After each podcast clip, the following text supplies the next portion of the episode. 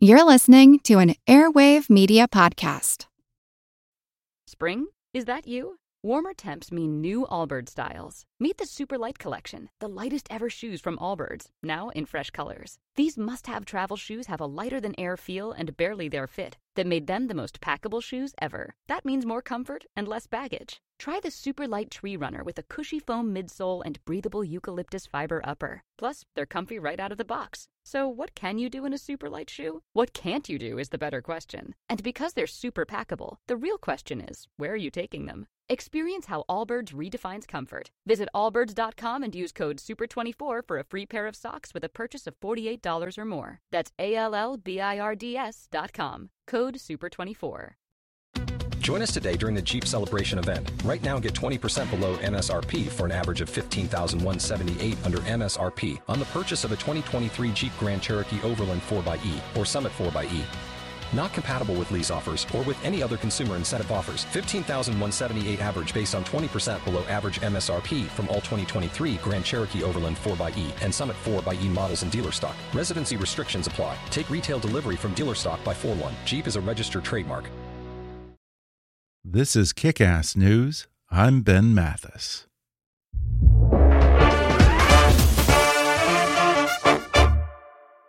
Kick Ass News is brought to you by Bayer. Bayer makes aspirin that helps save lives during a heart attack and protects the heart of a family. From advances in health to innovation in agriculture, Bayer is advancing science for a better life. At Bayer, this is why we science. And now, enjoy the podcast. Hi, I'm Ben Mathis. Welcome to Kick Ass News. Today I'm happy to welcome author Mitch Albom back to the show. You know him from his number one New York Times bestsellers, including Tuesdays with Morrie, The Five People You Meet in Heaven, For One More Day, and Have a Little Faith. And now he's written his most personal story to date, an intimate and heartwarming memoir about what it means to be a family, and the young Haitian orphan whose short life would forever change his heart. It's called Finding Chika a little girl, an earthquake, and the making of a family. And today, Mitch returns to the podcast to talk about how he came to run an orphanage in earthquake ravaged Haiti, how recent political instability in the country has led to some frightening encounters for the kids, and the hardest part about running an orphanage under those conditions. He shares how he became a surrogate father to a young girl with a terminal illness, how he learned what it means to be kid tough and how Chika taught him some valuable lessons about the important things in life. Coming up with best selling author Mitch Albom in just a moment.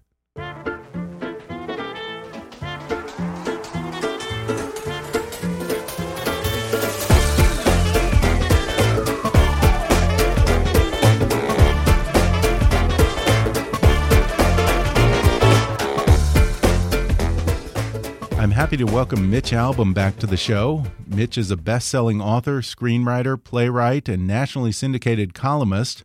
The author of five consecutive number one New York Times bestsellers, his books have collectively sold more than 33 million copies in 42 languages worldwide. Tuesdays with Morrie, which spent four straight years atop the New York Times list, is now the best selling memoir of all time and four of Mitch Albom's books, including Morrie, The Five People You Meet in Heaven, For One More Day, and Have a Little Faith, have been made into highly acclaimed TV movies for ABC. Albom has founded six charities in and around his hometown of Detroit, and he also operates an orphanage in Port au Prince, Haiti. That's where he met the young girl who inspired his latest book, Finding Chika A Little Girl, an Earthquake, and the Making of a Family. Mitch, welcome back to the podcast. Oh, thank you very much. Nice to be here. Well, Finding Chika was incredibly touching, and it's at times a heartbreaking book about a young Haitian orphan girl who had a terminal brain tumor. And you and your wife, Janine, actually welcomed her into your home, really became a surrogate family to her, and were there for her final moments. How long has it taken for you to feel comfortable writing about her? Well, I think uh, writing about her was actually kind of cathartic, to be honest with you. Uh, mm-hmm. You have a lot of grief, you have a lot of emotions, a lot of love that doesn't have a place to go anymore. So, at least as a someone who writes for a living and also for his art, uh, that was kind of a natural way for me to express the story. And I deliberately didn't want to write a sad story. Uh, and I didn't want to write something where you're afraid to get to the last 20 pages and you don't want to read about a child dying.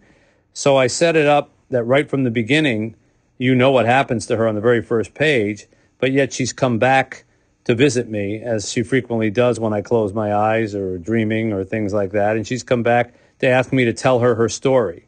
And she's sort of sitting by my feet in the office where, where we always used to be together every morning. And uh, she's saying, Well, you're writing. Why don't you just write my story? Write about me. And she asks a bunch of questions. So, in that way, it was sort of like having a year long conversation with her. Uh, and in some ways, you know, it made me feel good. Some made me feel sad. Some made me laugh out loud. And that's kind of what like having a child is, right? And, you say that she first visited you about eight months after her death. I want to say it was the day of your father's funeral or the day that he passed away. And I was curious because I wasn't sure how to take that. Were you being literal when you said that she was visiting you? Well, I remember that as sort of being the first time that uh, I, I would close my eyes and kind of have these conversations. You know, I think my father had just passed away, and a lot of things were on my mind. We were out there to to bury him, uh, and I had a dream where she was right there next to me and uh, holding the porch railing, and I turned and called her name out, and she looked at me, and then uh, and then she was kind of gone, and so uh, that began sort of these conversations where after a while if i dream about her now it doesn't it doesn't freak me out in any way. I just kind of take it as part of the, you know, ongoing conversation you have with people who you love who are never really gone. Now, I'm retreading a little bit of our previous conversation uh, about a year ago because I want to ask about this orphanage that you run in Haiti where you found Chika. When you first arrived in Haiti after the 2010 earthquake, I think it was, how bad were the conditions at that orphanage? Oh, my goodness it's very hard to describe uh, to people who haven't been there. Uh, first of all, the kids were barely eating. If they ate, they ate once a day, usually a cup of rice. Uh, when I got there after the earthquake, the place was overrun with people because in Haiti, after natural disasters, people will flock to hospitals or orphanages thinking that that's where they're going to bring food, which is not really true, but you know, they were there. And so the place was stuffed with 250 adults and just everybody uh, running around, and the kids were, were sleeping in the dirt. Everybody was sleeping outside. Nobody would go inside any buildings because they were afraid they would come back down on them. Everybody was covered in this white dust that was just permanently in the air. There were no showers, no baths, uh, you know, very little water. Everyone on the street was begging and, and, and, and, decking water, sometimes from dirty puddles that were muddy in the street and uh, and looking for any kind of help whatsoever. If, if, they saw someone from the West, I mean from the uh, you know United States, uh, you know you were mobbed, and people just saying, "Please, I'm hungry. Please help me." So it, it was devastating. Um, it was really hell on earth in Haiti a couple weeks after the earthquake. And prior to that, I'm assuming that you had no prior experience operating an orphanage, right? How does one just up and start running an orphanage and get into something like that? I've thought about that question many times in my life. Uh, no, you're right. I never had any experience operating an orphanage. Um, I had gone down there after the earthquake to help a, a Detroit pastor who had started the place and uh, at some point, I, I, you know I kept coming back every month with guys from Detroit who were building things, uh, built the first showers, built the first toilets, built the first uh, school, the first kitchen, the first dining room, and at one point. Uh, he admitted to me that he didn't have any money to operate the place, even though we were building it up very nicely. He said, I, I just don't have any money. He was in his 80s, and he said, You know, I don't know how I'm going to be able to even feed any of these kids. And in one of those moments that you look back on and say, I don't know what I was thinking. I said to him, Well, I could probably operate this. I run charities in Detroit. It's a charity, kind of. Uh, how hard could it be? And uh, he basically said, uh, Hallelujah, praise Jesus. And we signed the papers, and I've been in charge of it ever since. And uh, I have uh, I've been in charge of it ever since. And I go there every month. Uh, we now have 52 children. I've admitted 46 of those 52, and uh, you learn you learn on the uh, on the job. That's for sure. that's a lot of kids. And in terms of just the day to day operations, the logistics, and just keeping things running in a place like that, what is the most difficult part about operating an orphanage in Haiti? Well, there's not one difficult part. Pretty much everything is difficult. You know, imagine a place where the power goes out every single night, so you have to deal with that. And do we have a generator that can keep certain things working?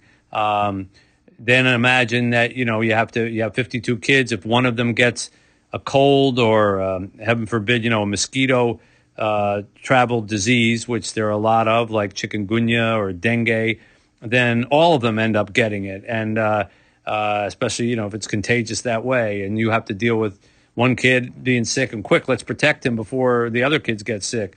Uh, then the uh, water truck doesn't show up, uh, so you don't have any water, or there wasn't any fuel at any of the gas stations, so you don't have any petrol to put into the generator, which means you can't have any lights on at night, which means you're pitch black all the time. Uh, the electricity, the, the, the, computer, if you want to work one, doesn't work. Um, the food delivery didn't come. There are riots in the streets, as there are right now, and none of the staff could make it there because uh, they were threatened by people or people were throwing rocks. This is a daily daily basis, uh, you know. Let alone okay, how do we make sure the kids are loved and they're not fighting and they're sharing and all the lessons you would want to teach children. So, you know, take your average family of three and the issues that you have to deal with with that, multiply it by about, you know, 16, 17, then multiply that by about 10, and then multiply that by 100, and then put it in 100 degree heat. And uh, that's pretty much pretty much every day there. Yeah, you've got your hands full. Now, you said a moment ago that there are riots in the streets right now. Uh, what are the people rioting about? Well, Haiti's government has been corrupt for as long as you can remember, and this current regime is not a whole lot better.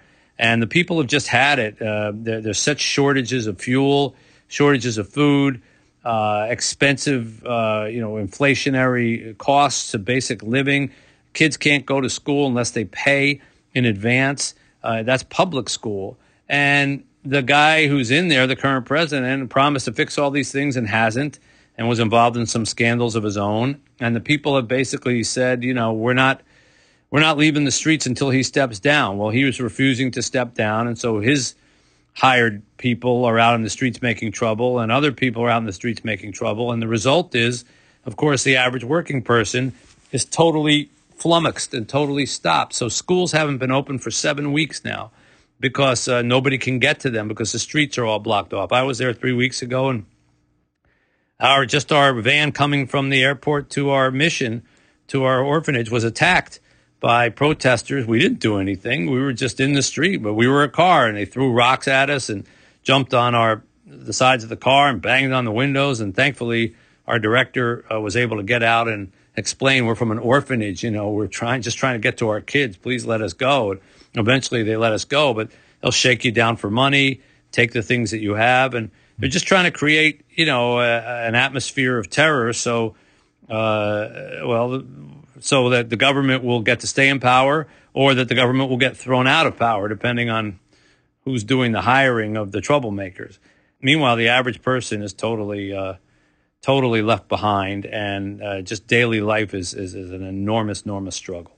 With that kind of political instability and riots in the streets, do you worry about the safety of these kids there? Sure, I worry about our safety of our kids all the time. We have a security guard. The other day, he had to fire his gun a couple times because there were people threatening to come over the walls and and come into our orphanage. Uh, of course, I worry about our kids even as I'm talking to you right now. I read in here that you have a tradition where you actually spend every New Year's with the kids at the orphanage. What is a Haitian New Year's celebration like? Uh, well, we kind of invented our own New Year celebration because none of our kids ever really celebrated New Year's from where they came from. You know, they've come from such impoverished areas. Uh, you know, New Year's was just another night, but I've taught them uh, the melody to Auld Lang Syne. I don't know the words, but I taught them. So they know, they all know if you were to go there right now and start saying da da da da da da da da, they could finish it for you with the da da da da da da. and then we get sparklers, which for some reason those you can get in Haiti. You can't get you can't get gas and you can't get food, but you can get sparklers. and so we found out we could get sparklers. So each kid gets a sparkler, and after we have a dinner of uh, pizza, which we can get from a local place, a special dinner of pizza and juice, and then every kid gets a sparkler, and uh, we light the sparklers, and they put the sparklers in this bed of dirt, and they make a wish for what they want for the new year. And when the last of the sparklers goes out, then they all sing Auld Lang Syne and they all jump up and down and dance around and say Happy New Year. And then everybody goes to bed and it's like 8:45. and that's uh, and that's New Year's. So we don't we don't wait for the ball to drop. You know, I've got 2 and 3 year olds and they're not staying up that late. So our New Year's comes around 8:30 p.m. and by 8:45 everybody's in bed. Now, this book is about this very special orphan who came into your life. Uh, how did she first arrive at the orphanage? Well, Chika John was born three days before the terrible earthquake of 2010. And on the third day of her life, she was inside a cinder block house, uh, lying on her mother's chest when the earth shook and the roof fell off and the walls collapsed. But uh, she was somehow able to survive. And uh, Two years later, sadly, her mother, who survived the earthquake, died giving birth to a baby brother because she was giving birth at home. And, you know, very few Haitian women can afford to go to a hospital and have a baby. And something went wrong, and she died right there in the bed. And uh, the baby was born, but Chika was taken away by a godmother and never saw the rest of her family really again. And she was brought to us a few months later and she was very brash right from the start, very bold. Even during her interview, when we were, you know, considering her, she instead of like what most kids do when they lower their heads and they're kind of very shy, she looked me square in the eye and she made a face like, "Hey, there's kids outside. I want to go play with them. Can we finish this up?" You know. And then she stuck her tongue out at me, and I stuck my tongue at her, and we laughed. And I said, "Boy, she's really brave, this one." And she was barely three years old uh, and as it turns out, she was very brave, and she would need to be. And how did you learn that she was ill? I got a call one day in between my visits from uh, Alan, our Haitian director, who said, Mr. Mitch, there's something the matter with Chika's face. I said, What's the matter with her face? He said, It's drooping, her eye and her mouth. And I said, Well, did you take her to the doctor? He said, Yeah. What did the doctor say? He gave her eye drops. I said, Alan, eye drops are not going to fix this. We need to find a neurologist. I didn't know if it was Bell's palsy or something like that, but we found one neurologist. That's not easy to do in Haiti. And then there's only one MRI machine in the country at the time. And you have to go to this place and pay $750 cash. And then you sit there for six, seven hours until they call your name. And she went in, had the MRI done. And when it was done, um, I got a two sentence report that said uh, there is a mass on the child's brain, and whatever it is, there's no one in Haiti who can help her. And so that set us kind of in motion. Uh, we scrambled for a visa and paperwork and got her to America as quickly as we could, hoping that American medicine would be able to fix what Haitian medicine clearly couldn't. And uh, they did experimental brain surgery on her here in America. Uh, and we thought, well, okay, you know, they'll tell us they got it out and she can go home in X amount of months. And instead, when we got called into the consultation room, they said, well, we have bad news. This is something called DIPG, diffuse intrinsic pontine glioma, and it is always fatal and usually takes a kid within four months. And she'll probably be dead, you know, before the summer is over. And we had to make a decision as to what we were going to do. Uh, yeah, the doctor at the time suggested that you let her go back to Haiti so she could just spend what little time she had left with her friends and basically wait to die. You refused to do that. What led you to that decision? Well, the doctor suggested that we take her to Haiti and just let her play for a month or two, and the symptoms would rapidly debilitate her, and she wouldn't be able to walk or swallow, and she would just die and uh, he said, you know, let her have a month or two with her friends because you can try things up here, but in the end, they're not going to make any difference. But I knew that she was a fighter. Uh, I had watched her not only when she first got there, but with our kids. She was always bossing them around, telling them where to go. And uh, I said, No, you don't understand this little girl. she's a fighter and she's going to fight this. And if she fights it, we'll fight it with her. And we made the decision that day to begin a whole different course of action in our lives. And that was the beginning of a, what turned out to be a two year journey. She lived two years with this disease, which is almost unheard of. And we traveled around the world trying to find a cure. And along the way, we found something that was even better. Uh, well, maybe not even better. I'd still rather have the cure, but maybe the next best thing. Uh, we found that we had become a family.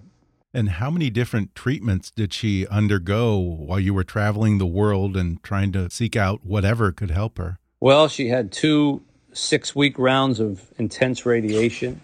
She had two experimental brain surgeries where they put a catheter into her head and slow fed uh, drug uh, into it for 12 hours and then you know followed up for a month at a time. She had another brain surgery beyond that. She had three visits to Germany for immunology, uh, where they take blood out of you every day and then they treat it with dendritic cells and then put it back into you and hope that it uh, has an effect. Um, we had all kinds of experimental medications. She was on a PICC line. She had an internal port. Uh, she had a, a, feeding tube. I mean, it, it, goes on and on. The medical stuff really, after a while, blurs all together.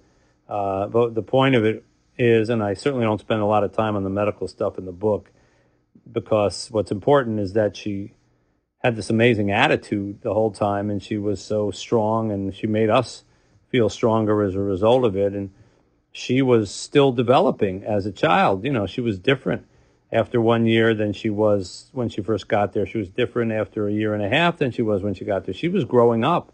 While we were so busy, you know, worrying about what's going to be for her future, she was just living it, you know, and she was a kid growing up. And so uh, it was that growing up and the things that she said and did and and, and learned and, and affected us that ultimately became the, the backbone of this book. And you actually have a term that you use in this book to describe Chika. You say she was kid tough. Do you think sick children have a special kind of resilience that maybe even we adults could learn from? Oh, I don't think that. I know it. Uh, I've spent way too much time in children's hospitals, but the one thing I can tell you is that you will see kids go flying down the hall with their IV tube uh, because they don't want to be late for the arts and crafts room or they want to play the Xbox or they want to paint T-shirts or whatever it is, and and, and you see that the in the hospital room behind them, they leave behind a mother and father who are weeping into their hands, and the kid just wants to play, uh, and and and because of that, you know, there's a toughness to them that we just don't realize, and maybe it's because they haven't lived long enough to really understand what a life-threatening illness means or to understand what they're losing. Um, they just kind of adapt. Kids adapt and that's what Chika did. You know, when she they they had they shaved her head one time, a, a, not her head, but a portion of it, which is even worse. And uh, we forgot to tell her, you know, and they did it during the operation, and then we were so sleepy in the hospital room, and she said she had to go to the bathroom, and my wife walked her into the bathroom, forgetting that there were mirrors in the bathroom, and Chika yelled, "Hey, what happened to my hair?" I remember hearing that, thinking, "Oh God." We didn't have a response prepared for this. But she thought it was funny. She was rubbing and said, It feels funny. And then we got her a ski cap and she loved the ski cap. And then later we got her headbands and she loved the headbands. And, you know, that's what kids do. They just adapt. They're in, in Mott's Hospital in, in Michigan, they have something called fairy doors. And these are doors that they put in along the baseboards of different walls in in, uh, in, in the hospital, and um, people will leave money uh, behind these doors, and kids will open up, and there'll be a couple coins or something. And Chika, you know, would come out of.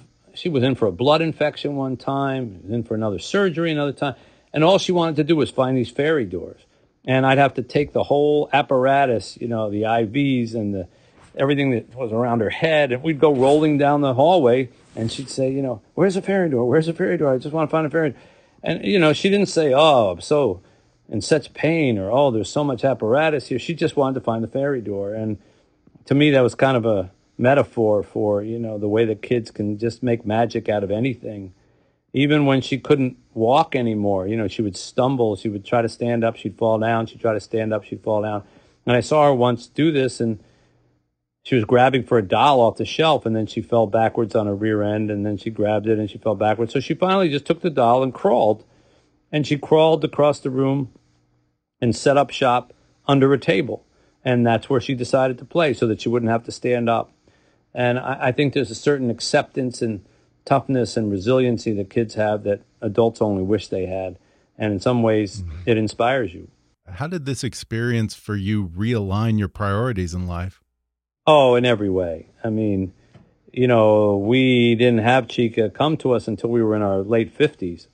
And, you know, we'd been married 20 plus years. We've been together 30 years and living together, you know, just the two of us. And suddenly we were three. You know, suddenly there was a little girl sleeping at the foot of our bed.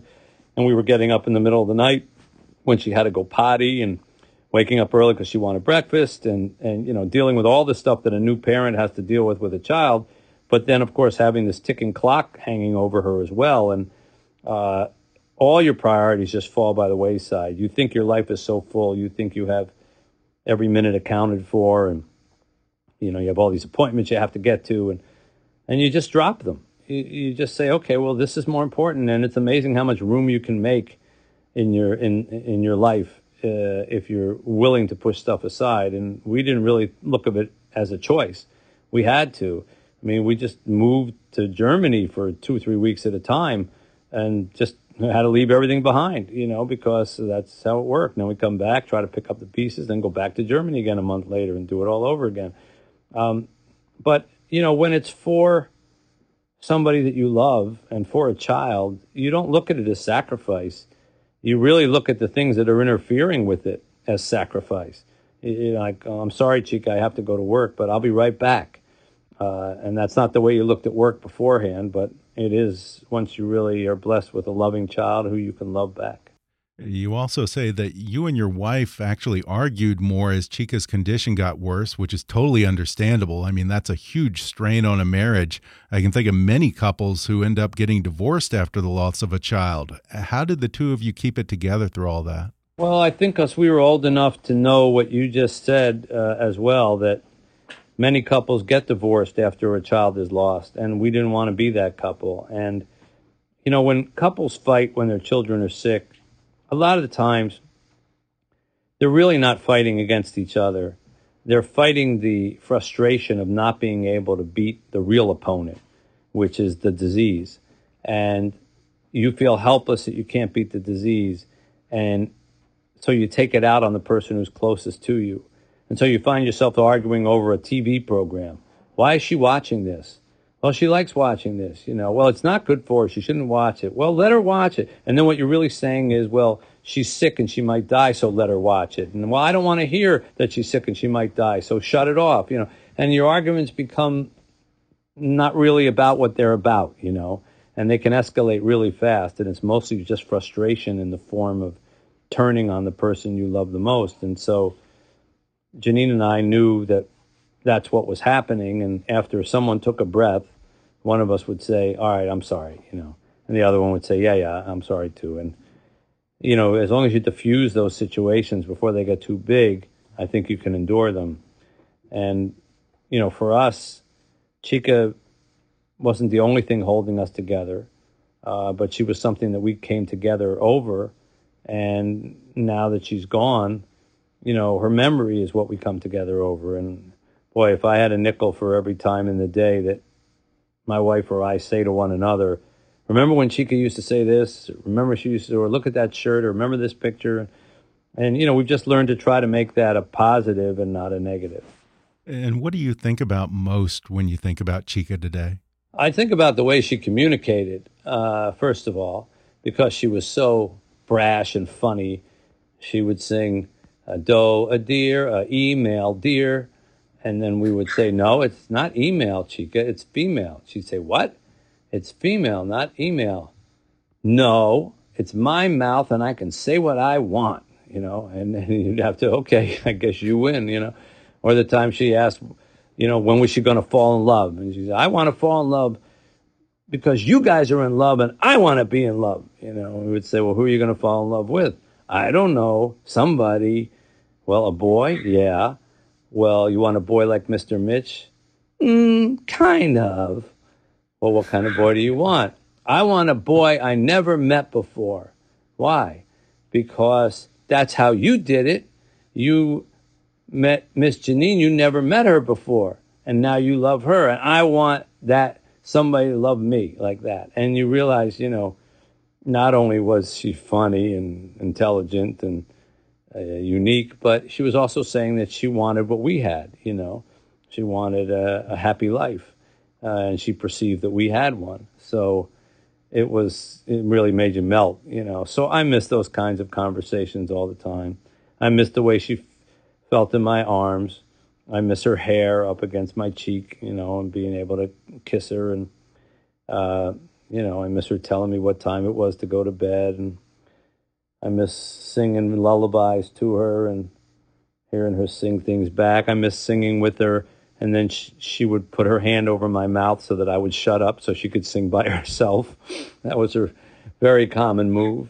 Um, I miss the way she picked her clothes out in the morning and kept changing her socks over and over again. And um, there's pretty much there's pretty much no part of her that I don't miss. Um, and in any given moment of the day, I could tell you what I was thinking about right then and there.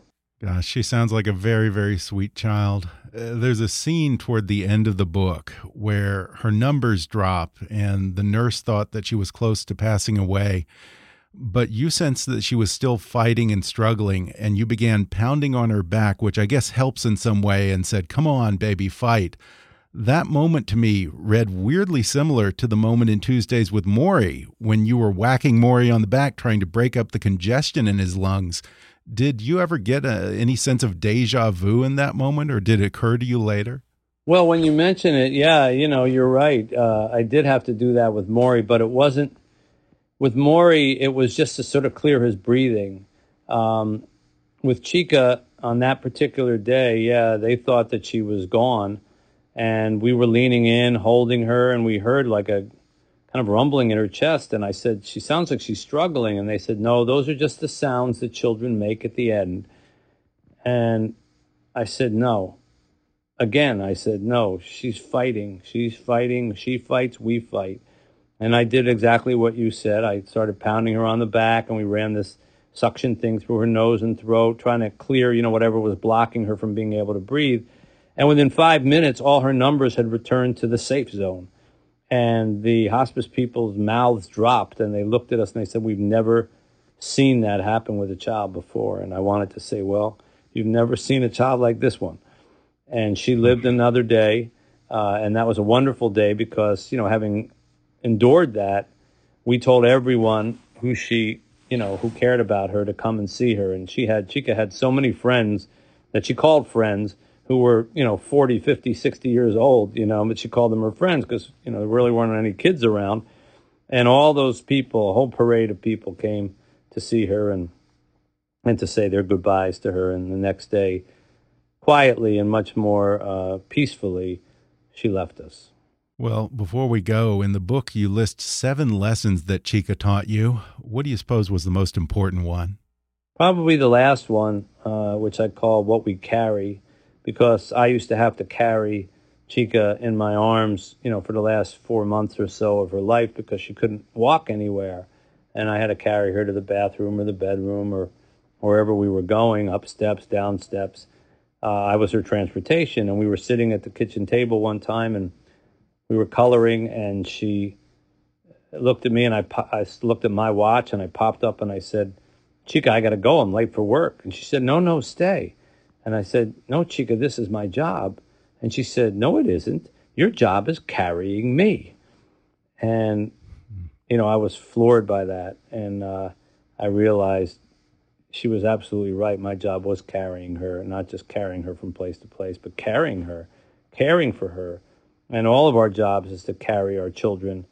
And, and it's also our jobs, if we're blessed to be able to do it, to carry the other children of the world who may not be our own, who may not look like us or talk like us or sound like us or come from us or even live in the same country. But they're needy and they're poor and they need love.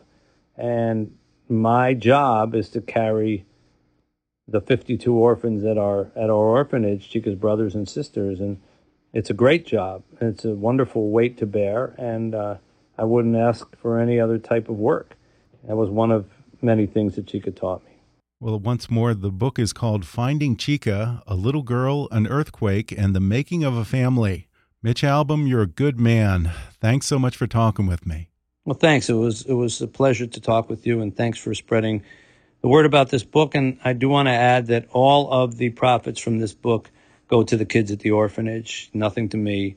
So uh, if people do want to help us out, that's one way that they can help out.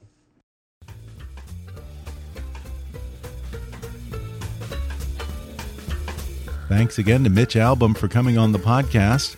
Again, you can order Finding Chika, A Little Girl, An Earthquake, and The Making of a Family on Amazon, Audible, or wherever books are sold. And keep up with Mitch at MitchAlbom.com or on Twitter at, at MitchAlbom. If you enjoyed today's podcast, be sure to subscribe to us on Apple Podcasts and rate and review us while you're there.